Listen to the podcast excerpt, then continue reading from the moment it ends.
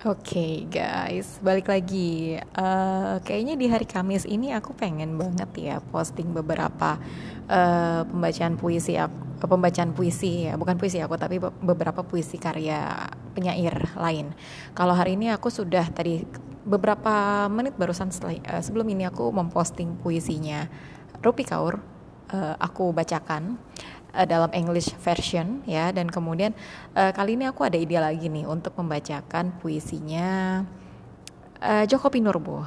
Tapi yang puisi-puisi lama puisi-puisi yang uh, ia tulis di tahun sekitar 1997 ya.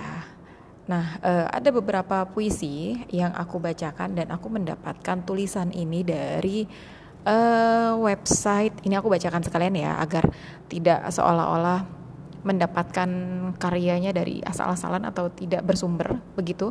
Jadi aku bacakan langsung aja. Jadi uh, puisi ini aku dapatkan dari website mjbrigaseli.com tahun 2015. Kumpulan puisi Joko Pinurbo.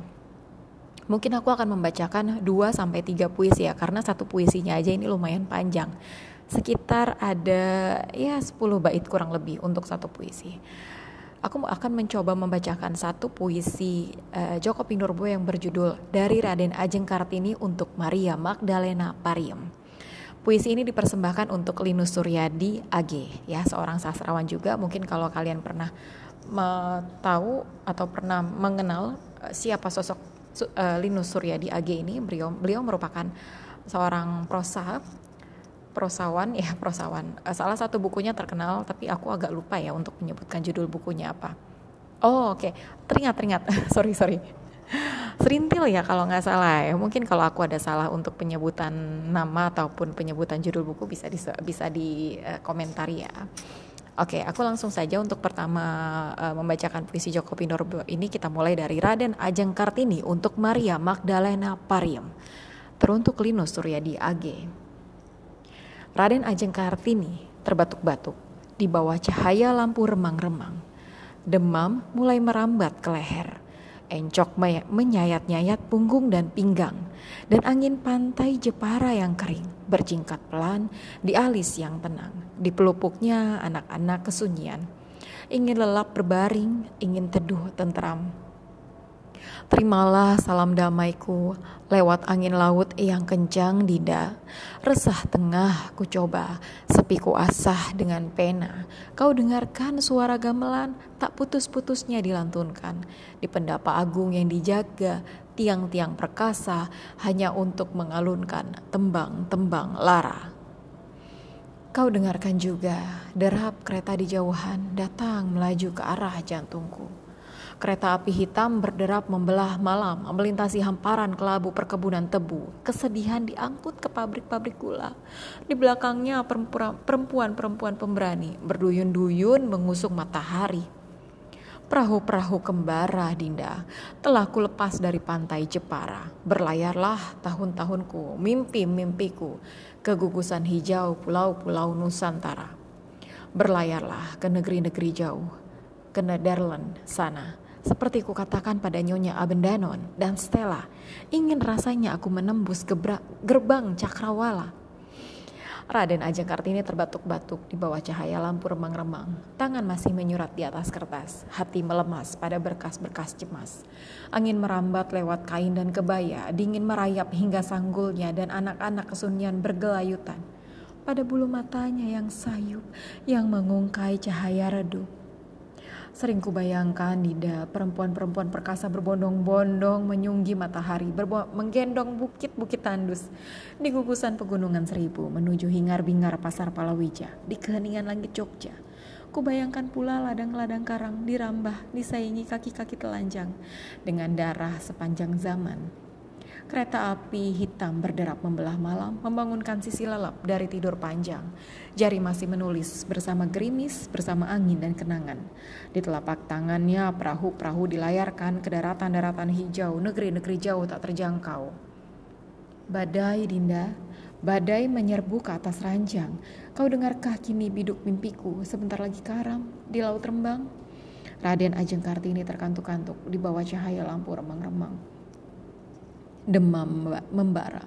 Encok meruyak pula, dan sepasang alap-alap melesat dari ujung pena yang luka. Joko Pinurbo 1997 Yeay, give applause. Oke, lanjut lanjut lanjut. Lanjut ya.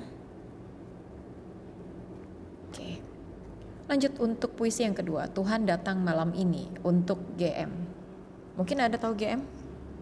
GM adalah seorang penyair yang uh, kita tahu beberapa bulan yang lalu uh, beberapa waktu yang lalu beliau sudah meninggalkan kita semua atau beliau sudah berjalan ke alam uh, lain ya. Maksudnya uh, dipanggil oleh Tuhan yang Maha Esa. Uh, ini mungkin salah satu tanda untuk mengenang kepergian Gunawan Marianto ya. Atau uh, ditulis di sini untuk GM Tuhan datang malam ini untuk GM Tuhan datang malam ini di gudang gulita yang cuma dihuni cericit tikus dan celoteh sapi. Ia datang dengan sebuah headline yang megah. Telah ku ketakutan dan ke kegemetaranmu. Kini bisa kini bisa kau rayakan kesepian dan kesendirianmu dengan lebih meriah. Dengar, Tuhan melangkah lewat dengan sangat gemulai di atas halaman-halaman yang hilang dan rubrik-rubrik terbengkalai. Malam mendebar-debar, di sebuah kolom yang rindang, kolom yang teduh, ia kumpulkan huruf-huruf yang cerai-berai dan merangkainya menjadi sebuah komposisi kedamaian. Namun masih juga ia cabar. Kenapa ya? Aku masih kesepian. Seakan tak bisa damai tanpa suara-suara riuh dan kata-kata gaduh. Mungkin karena kau terlampau terikat pada makna yang berkelebat sesaat. Demikian seperti ia telah temukan jawaban. Begitulah ia hikmati malam yang cerau dan mencoba menghalau galau dan risau. Dibetulkannya rambut ranggas yang menjuntai di atas dahi dan nan pasai. Dibelainya kumis kusut dan cambang capai yang menjalar di selingkar sangsai. Sementara di luar hujan dan angin berkejaran menggelar konvoi kemurungan. Lalu diambilnya pena, dicelupkannya pada luka dan ditulisnya, saya ini apalah Tuhan? Saya ini cuma jejak-jejak kaki musafir pada serial catatan pinggir sisa aroma pada seonggok BH, dan bau kecut pada sisa cinta. Saya ini cuma cuilan cemas kok Tuhan. Saya ini cuma 100 hektar halaman surat kabar yang habis terbakar. Sekeping puisi yang terpental dilabrak batalion iklan. Dan Tuhan datang malam ini di gudang gelap di bawah tanah yang cuma dihuni cerici tikus dan celoteh sepi. Ia datang bersama 4000 pasukan, lengkap dengan borgol dan senapan. Dengar, mereka menggedor-gedor pintu dan berseru, "Jangan halangi kami, jangan lari dan sembunyi. Kami cuma orang-orang kesepian. Kami ingin bergabung bersama Anda di sebuah kolom yang teduh, kolom yang rindang. Kami akan kumpulkan senjata dan menyusunnya jadi sebuah komposisi kebimbangan. Sesudah itu, perkenankan kami, Sita, dan kami bawa semua yang Anda punya."